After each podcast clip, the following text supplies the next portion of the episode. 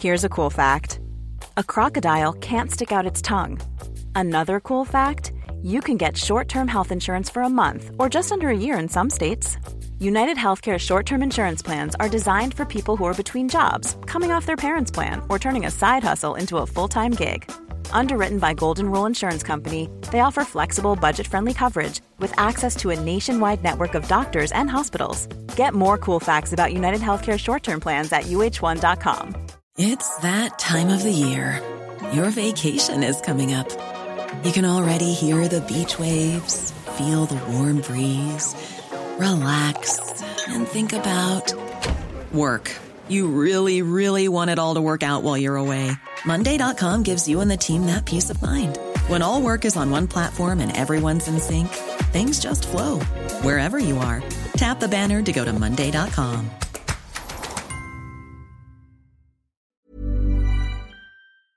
Velkommen til denne julespesialen fra Finansavisen. Jeg er Linn Marie Hammernes. Jeg har med meg min kollega Stein Ove Haugen. Og vi har med oss sjeføkonom Kjersti Haugland i DNB og sjeføkonom Frank Jullum i Danske Bank.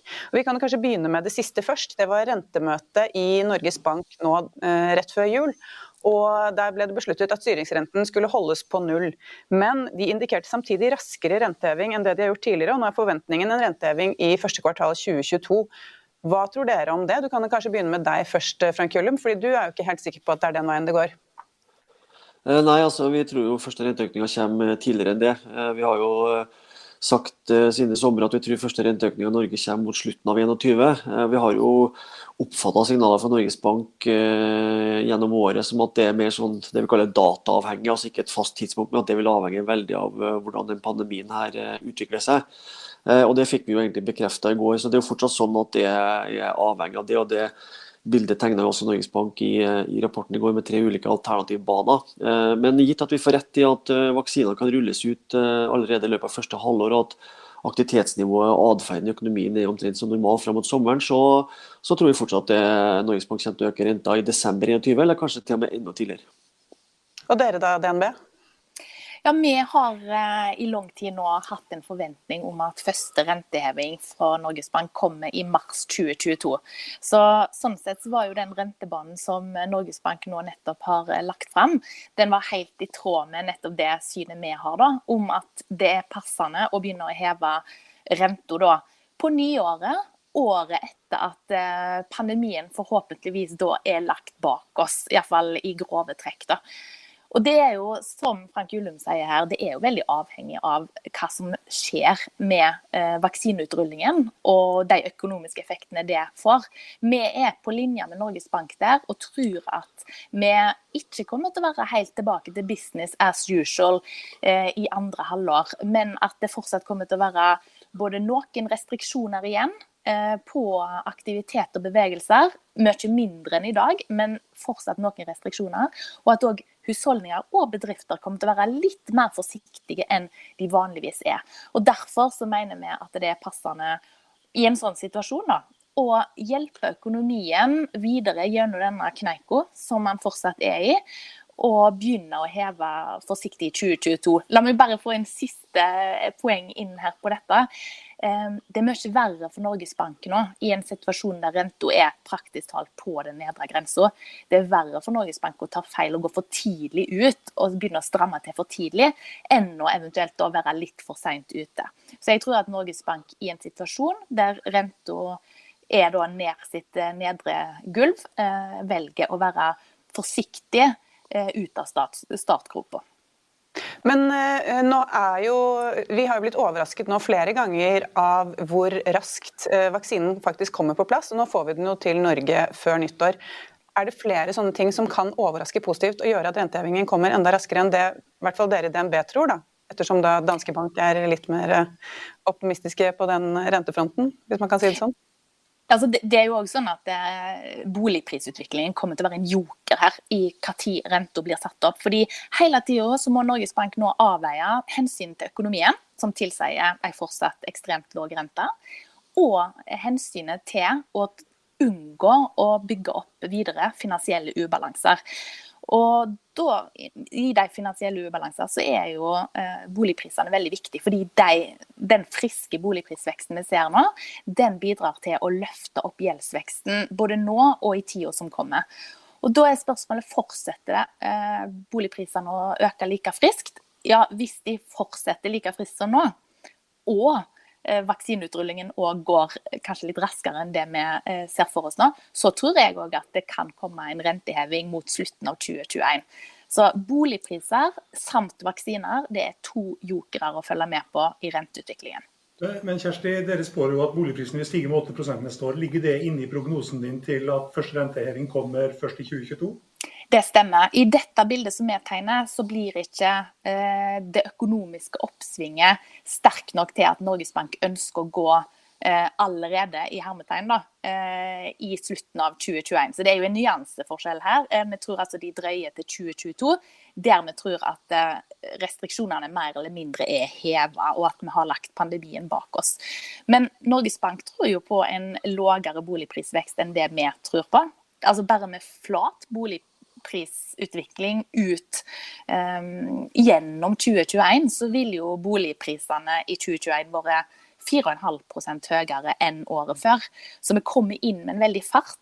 Uh, Norges Bank tror vi ender på 6,5% for året for 2021 som helhet, og vi tror på 8% Så får vi se hvem som har rett, men uh, hvis vi får både en kombinasjon av positive vaksineoverraskelser og denne sterke boligprisveksten, så kan det absolutt hende at Norges Bank velger å gå tidligere. Men ikke så tidlig som sommeren eh, jeg tror sommeren 2021, da, som f.eks. Statistisk sentralbyrå anslår. Det tror jeg er for tidlig. Hvis da Norges Bank eh, hever rentebanen sin eh, raskere enn de har signalisert nå, da, når får vi første signaler om det?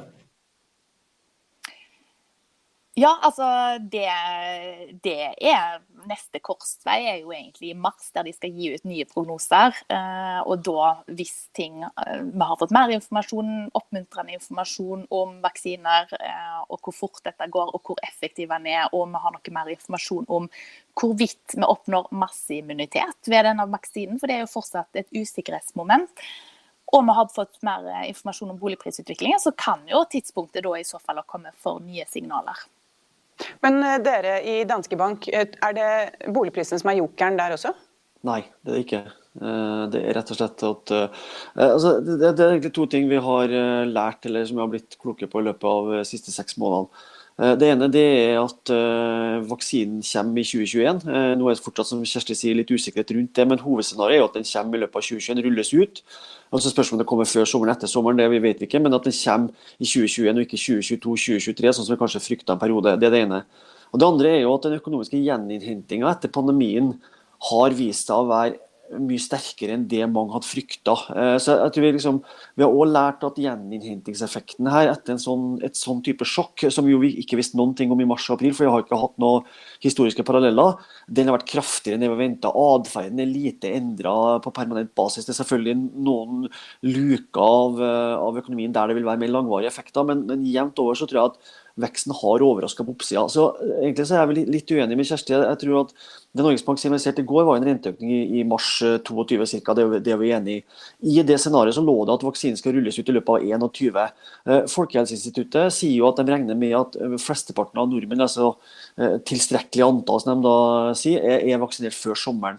Så skal vi også huske på at det er en værfaktor her. Hvis du kikker på koronaen, så er det utvikling av smitteutbredelsen veldig avhengig av temperaturen. Vi, det var mye lettere å kontrollere smitten i, i Norge og Nord-Europa i vår da temperaturen steg, eh, enn det er nå i høst. Vi ser i Australia nå så er liksom smittehyppigheten eh, nesten bort. Så det er en eller annen effekt der sannsynligvis som kan hjelpe på å få ned smittetallene, selv om ikke vaksiner ruller ut. Men, men, det, men, det, men det vet vi jo ikke. Men hvis utgangspunktet er at smittetiltakene her, unnskyld, eh, gjør at du har vaksinert eh, tilstrekkelig mange innen sommeren, sånn som ligger i det alternativscenarioet, Norges Bank oppsiktsscenarioet, så vil du ha en normal aktivitet i løpet av, eh, av andre halvår.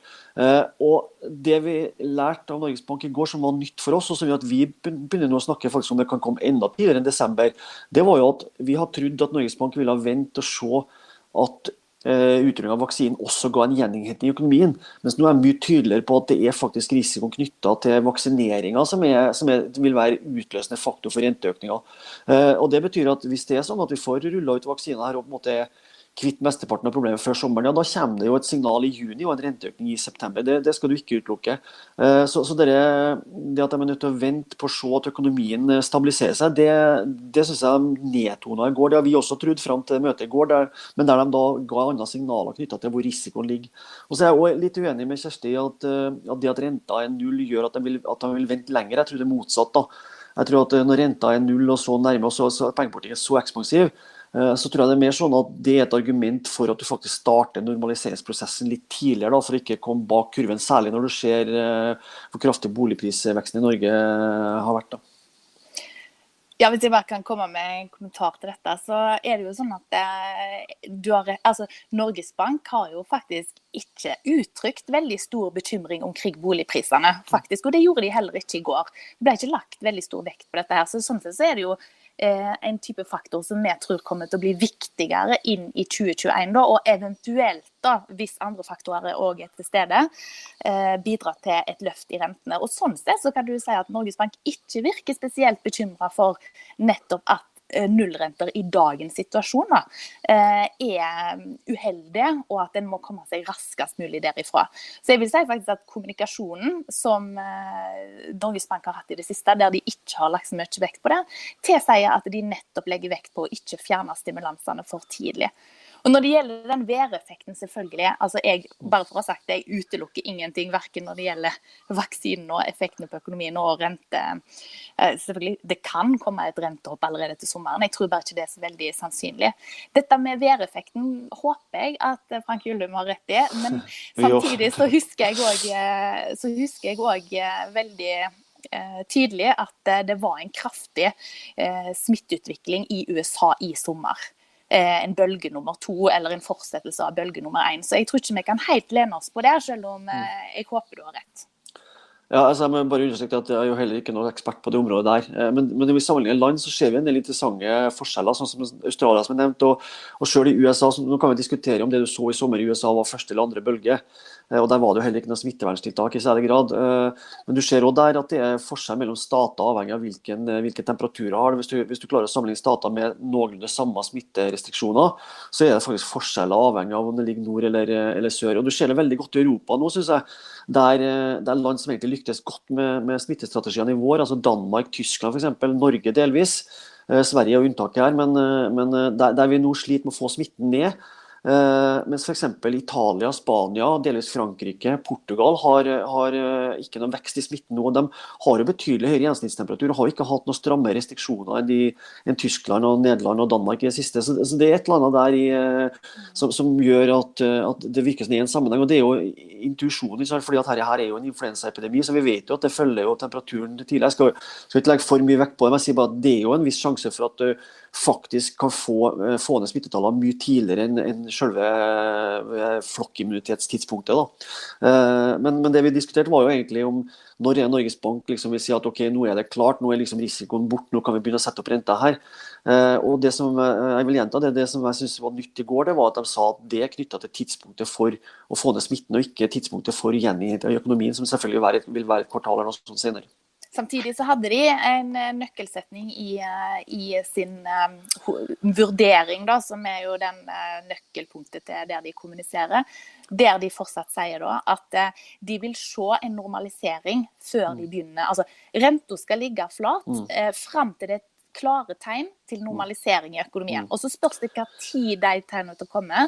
Men mm. jeg, i hvert fall, jeg konkluderer med at de vil se dem før de handler. De vil ikke bare ha forventninger om at oppsvinget kommer. Og så er jeg enig med fra Gullum i at eh, Q3 altså, at opphentingen etter bølge nummer to den overrasker oss alle eh, i hvor raskt vi kom tilbake. Så jeg òg er positivt, eh, po positivt innstilt til at vi skal få se en veldig klar gjeninnhenting i økonomien når eh, forholdet ligger til rette for det, når restriksjonene blir løfta betydelig. Jeg tror vi er kanskje først og fremst uenige om hva tid vi kommer til å få se eh, nettopp disse veldig betydelige løftene i restriksjonene, at vi er tilbake til business as usual. Og det er det jo usikkerhet om, selvfølgelig. Altså Hvis du ser på prognosene våre, så spår dere mars 22 og vi desember 21, altså et kvartal det... mellom. Og Hadde vi hatt den uenigheten i mars-april, så hadde det vært eh, minimalt i forhold til utfallssummene mm. var. Så det er, jo, det er jo enig, det er jo et store forskjeller. Det handler veldig mye om dere når du tror at du får en, en, en smittesituasjon som gjør at atferden normaliseres. Og det, det, er ingen av oss som er eksperter på det, det må vi være åpne på. Ikke engang ekspertene klarer å si noe om det. Altså Nei. de som faktisk kan noe om det. Ja. Nei, vi, vi, vi, stoler på, på Espen Nakstad, jeg tror han har rett i det. Ja, vi håper det. Og så tror jeg også, altså, En ting er jo vaksineutrulingen, men en annen ting er jo for en annen avgjørende faktor for hvor raskt vi kan vende tilbake igjen til normalen og fjerne restriksjoner, er jo hvordan smitteutviklingen er i tida rundt at vaksinen blir rulla ut. Mm. Har vi fortsatt en veldig utfordrende smittesituasjon, så vil det ta lengre tid før vi kan eh, på en måte ja, fjerne restriksjonene. da. Ja, det, det er jeg enig i. Men som sagt, det er der vi har forhåpninger til å være. I'll see you in court. Vi sier det ofte litt på spøk, men for deg som driver business, er det aldri moro å innse at du ikke har laget en 100% gyldig kontrakt. Du bør ikke risikere hele firmaet ditt fordi du synes dette med kontrakter er litt stress. En avtale er ikke en avtale. Du kan miste kunder, miste venner, ja, til og med miste inntekter om du ikke lager en skikkelig kontrakt, på alt mulig, egentlig. Men vi vet det er et styr. Kopimaskiner, treg printer og haugevis av papir. Dessuten stoler vi jo på folk her i landet. Det er ofte litt kleint å skulle be om en signatur for alt mulig, ja, for mye av styret handler også om jakten på underskriften. Det finnes en enkel måte å løse dette på, Dukkobit, en trygg, effektiv og get this, gratis måte å sikre seg en god natts søvn pluss en juridisk bindende avtale. Dukkobit-appen har de strengeste sikkerhetskrav i bunn, samt en EU-godkjent og sertifisert teknologi. Framover vil det bli behagelig å spørre du, skal vi skrive under på det, eller? Kom i gang på dokobit.no. Ja, jeg håper du har rett. Vi er jo helt overflødige her, vi nå. Men uh, dere kan ikke om dere to. Men uh, uh, tilbake til dette med gjeninnhenting. I mars så, så, man jo ikke for seg at f.eks. aksjemarkedet, børsene, skulle gjeninnhente så raskt som det de faktisk har gjort. Men hva er det i økonomien som Eh, for Dere sier at Norges Bank de venter på tegn da, før de kan sette opp renten. Men hva i økonomien er det som vil vise eh, en positiv utvikling først? Eller hva er det vi har sett på en måte gått i riktig retning nå? Altså det, ja, eh, det, altså, Hvis jeg bare kan begynne her, da, så, eh, så, ser du det første vi kommer til å se det på, er jo korttidsindikatorer, som har masse av nå. Vi har mobilitetsindikatorer bl.a. fra Google, som viser hvordan masse folk eh, er ute i aktivitet og ute på serveringssteder osv. Eh, book a table og den slags statistikk. Og kortdata, selvfølgelig. Og så kommer vi til å få se det ganske raskt i arbeidsledighetstallene, iallfall her hjemme i Norge. For her har vi jo ukentlige ledighetstall nå. Mm. Eh, så vi har mange gode data. Det er arbeidsledigheten og aktivitetsindikatorene. Forbruket blir jo en nøkkel her. Det er jo de som virkelig kommer til å hoppe tilbake. Forbruk av tjenester som virkelig kommer til å gi økonomien et skyv oppover når den tid kommer. Ja. Jeg er helt enig. Jeg tror at uh, Hvis du ser at smittevernrestriksjonene oppheves uh, fordi smittesituasjonen tillater det, sånn at restauranter og hoteller kan begynne å åpne, så tror jeg det er veldig god grunn til å anta at det vil gi et løft i serviceforbruket som kommer til å løfte BNP-veksten. For Det er det som har dratt veksten ned nå mot slutten av året. her. Altså, Veksten har jo overraska fram til oktober, men så vil jo november være en måned sannsynligvis med fall i aktiviteten knytta til de sektorene her. Eh, og Når du da begynner gradvis å gjenåpne de sektorene utover høsten, så vil du jo få et ganske kraftig løft i, selvfølgelig i verdiskapene i de sektorene, men også i totaløkonomien, fordi du fjerner en motvind og, og gjør den til en medvind, for å, for å si det sånn. da. Eh, så, så, jeg er helt enig. Jeg tror liksom, akkurat det bildet her vil du se uh, først og fremst kanskje i de ukentlige ledighetstallene, der, du, der, du, der, vi har sektorfordeling. Det har vært veldig hjelp i Norge at vi har de ukentlige tallene der, og så har det sektorfordelt. så at vi, vi kan se liksom både omfanget av det, men òg liksom hvor sektorspesifikt det er som, som gir grunnlag for å, for å vurdere om dette her vil gi alvorlig ringvirkninger eller ikke. Og det, og det, er veldig sektorspesifikt. det vi har sett nå i, i november, og det vil fort snu når, når restauranter og utelivsbransjen får åpne igjen. Så det er egentlig forbruket da, som er nøkkelen til gjeninnhentingen? At folk faktisk begynner å bruke penger igjen? Ja, jeg, jeg, tror det er det, men jeg tror, jeg tror hvis, du, hvis, du, tenker at du sitter som bedriftsleder i Norge nå, eh, og så satt du i mars, ikke sant? ingen visste noe om pandemien, folk snakka om at dette kunne vedvare i flere år. Eh, eh, ting skulle aldri bli som før, folk skulle være på hjemmekontor, eh, Vi skulle ikke reise noe sted, vi skulle ikke reise i business, ingenting. Eh, og så ser du liksom hvordan visibiliteten for å bruke det uttrykket da, er nå. Altså, selv om det er svakhet nå på kort sikt, og selv om du kan dra med oss dette inn i, inn i vinteren, ikke sant? altså første månedene i, i 2021, så, så, vil jo de aller fleste si at nå er det kanskje sånn seks måneder igjen til ting begynner å normalisere seg. Så usikkerheten både når det gjelder dybden og lengden av den nedgangen her, den er jo mye mindre enn det var i mars-april. og det, det, vil ikke påvirke bare forbrukerne, det vil jo også påvirke beslutningstakerne i næringslivet som skal ansette, investere osv. Ligger det noen signaler i julehandelen? Har vi sett noe der allerede? Altså Det vi ser i kort ja, det vi ser i kortdataene til DNB, i alle fall er jo at eh, vi har jo egentlig hatt en veldig god julehandel eh, motsatt i november og, og knytta til Black Friday og Black Week og alt dette her. Men det ser ut som det dabber av nå. Og at det var mest av alt eh, snakk om en framskynding av forbruket til litt tidligere julehandel, mm. eh, og at det nå dabber av. Så, så tror jeg sånn, Hvis du ser på varehandelen, da. Eh, så, så, så, vi må huske på at nivået der er veldig høyt. Altså, vi, vi lå i oktober sånn 12 tror jeg, over, mm. eh, over oktober i fjor. Eh, så selv om liksom, vi, så, vi, så, Black Week var jo nå en sånn rundt 10% høyere omsetning enn i fjor. Du får, du får det vridninga bort fra tjeneste og inn i varekonsum igjen.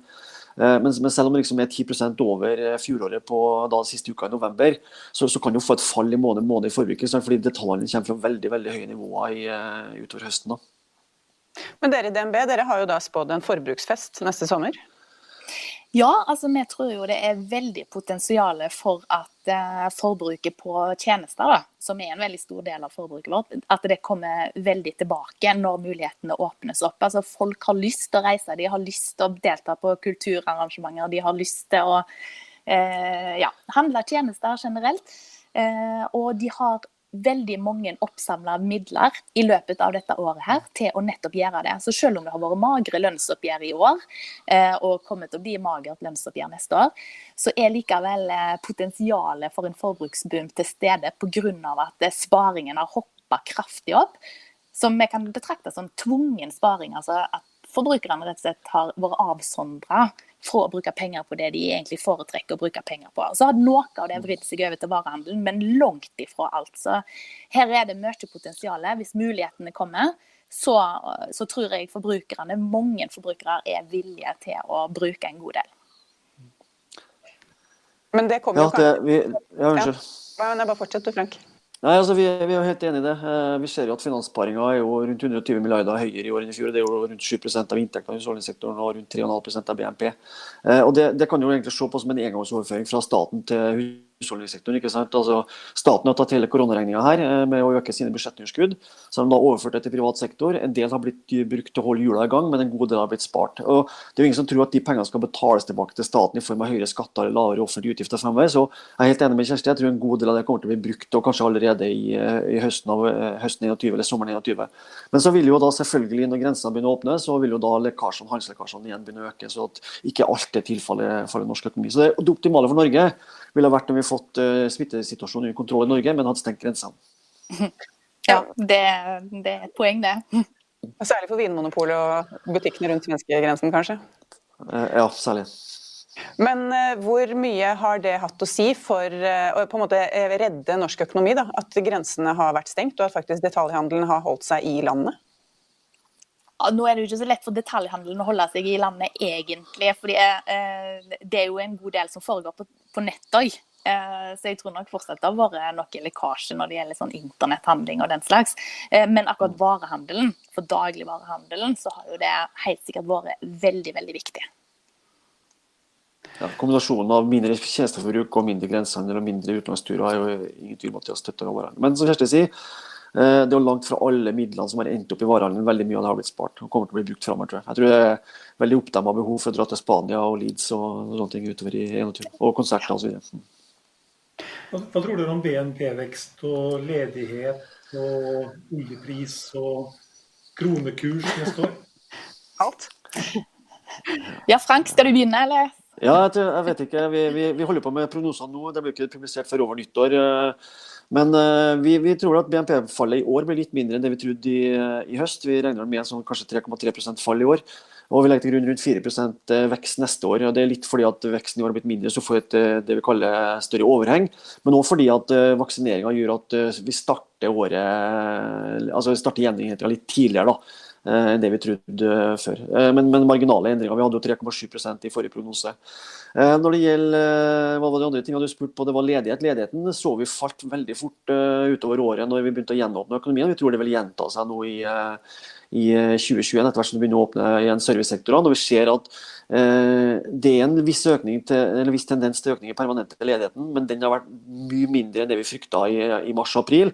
Så vi tror faktisk at ledigheten vender tilbake, og at vi får en sånn ja, Hvis vi bruker registrert leder fra Nav, da Eh, at vi får en sånn 3,5 der eh, utover i, eh, i 2021. Så, så snakka du spurt om oljeprisene, gjorde du det? Ja. Var det spurt om? ja.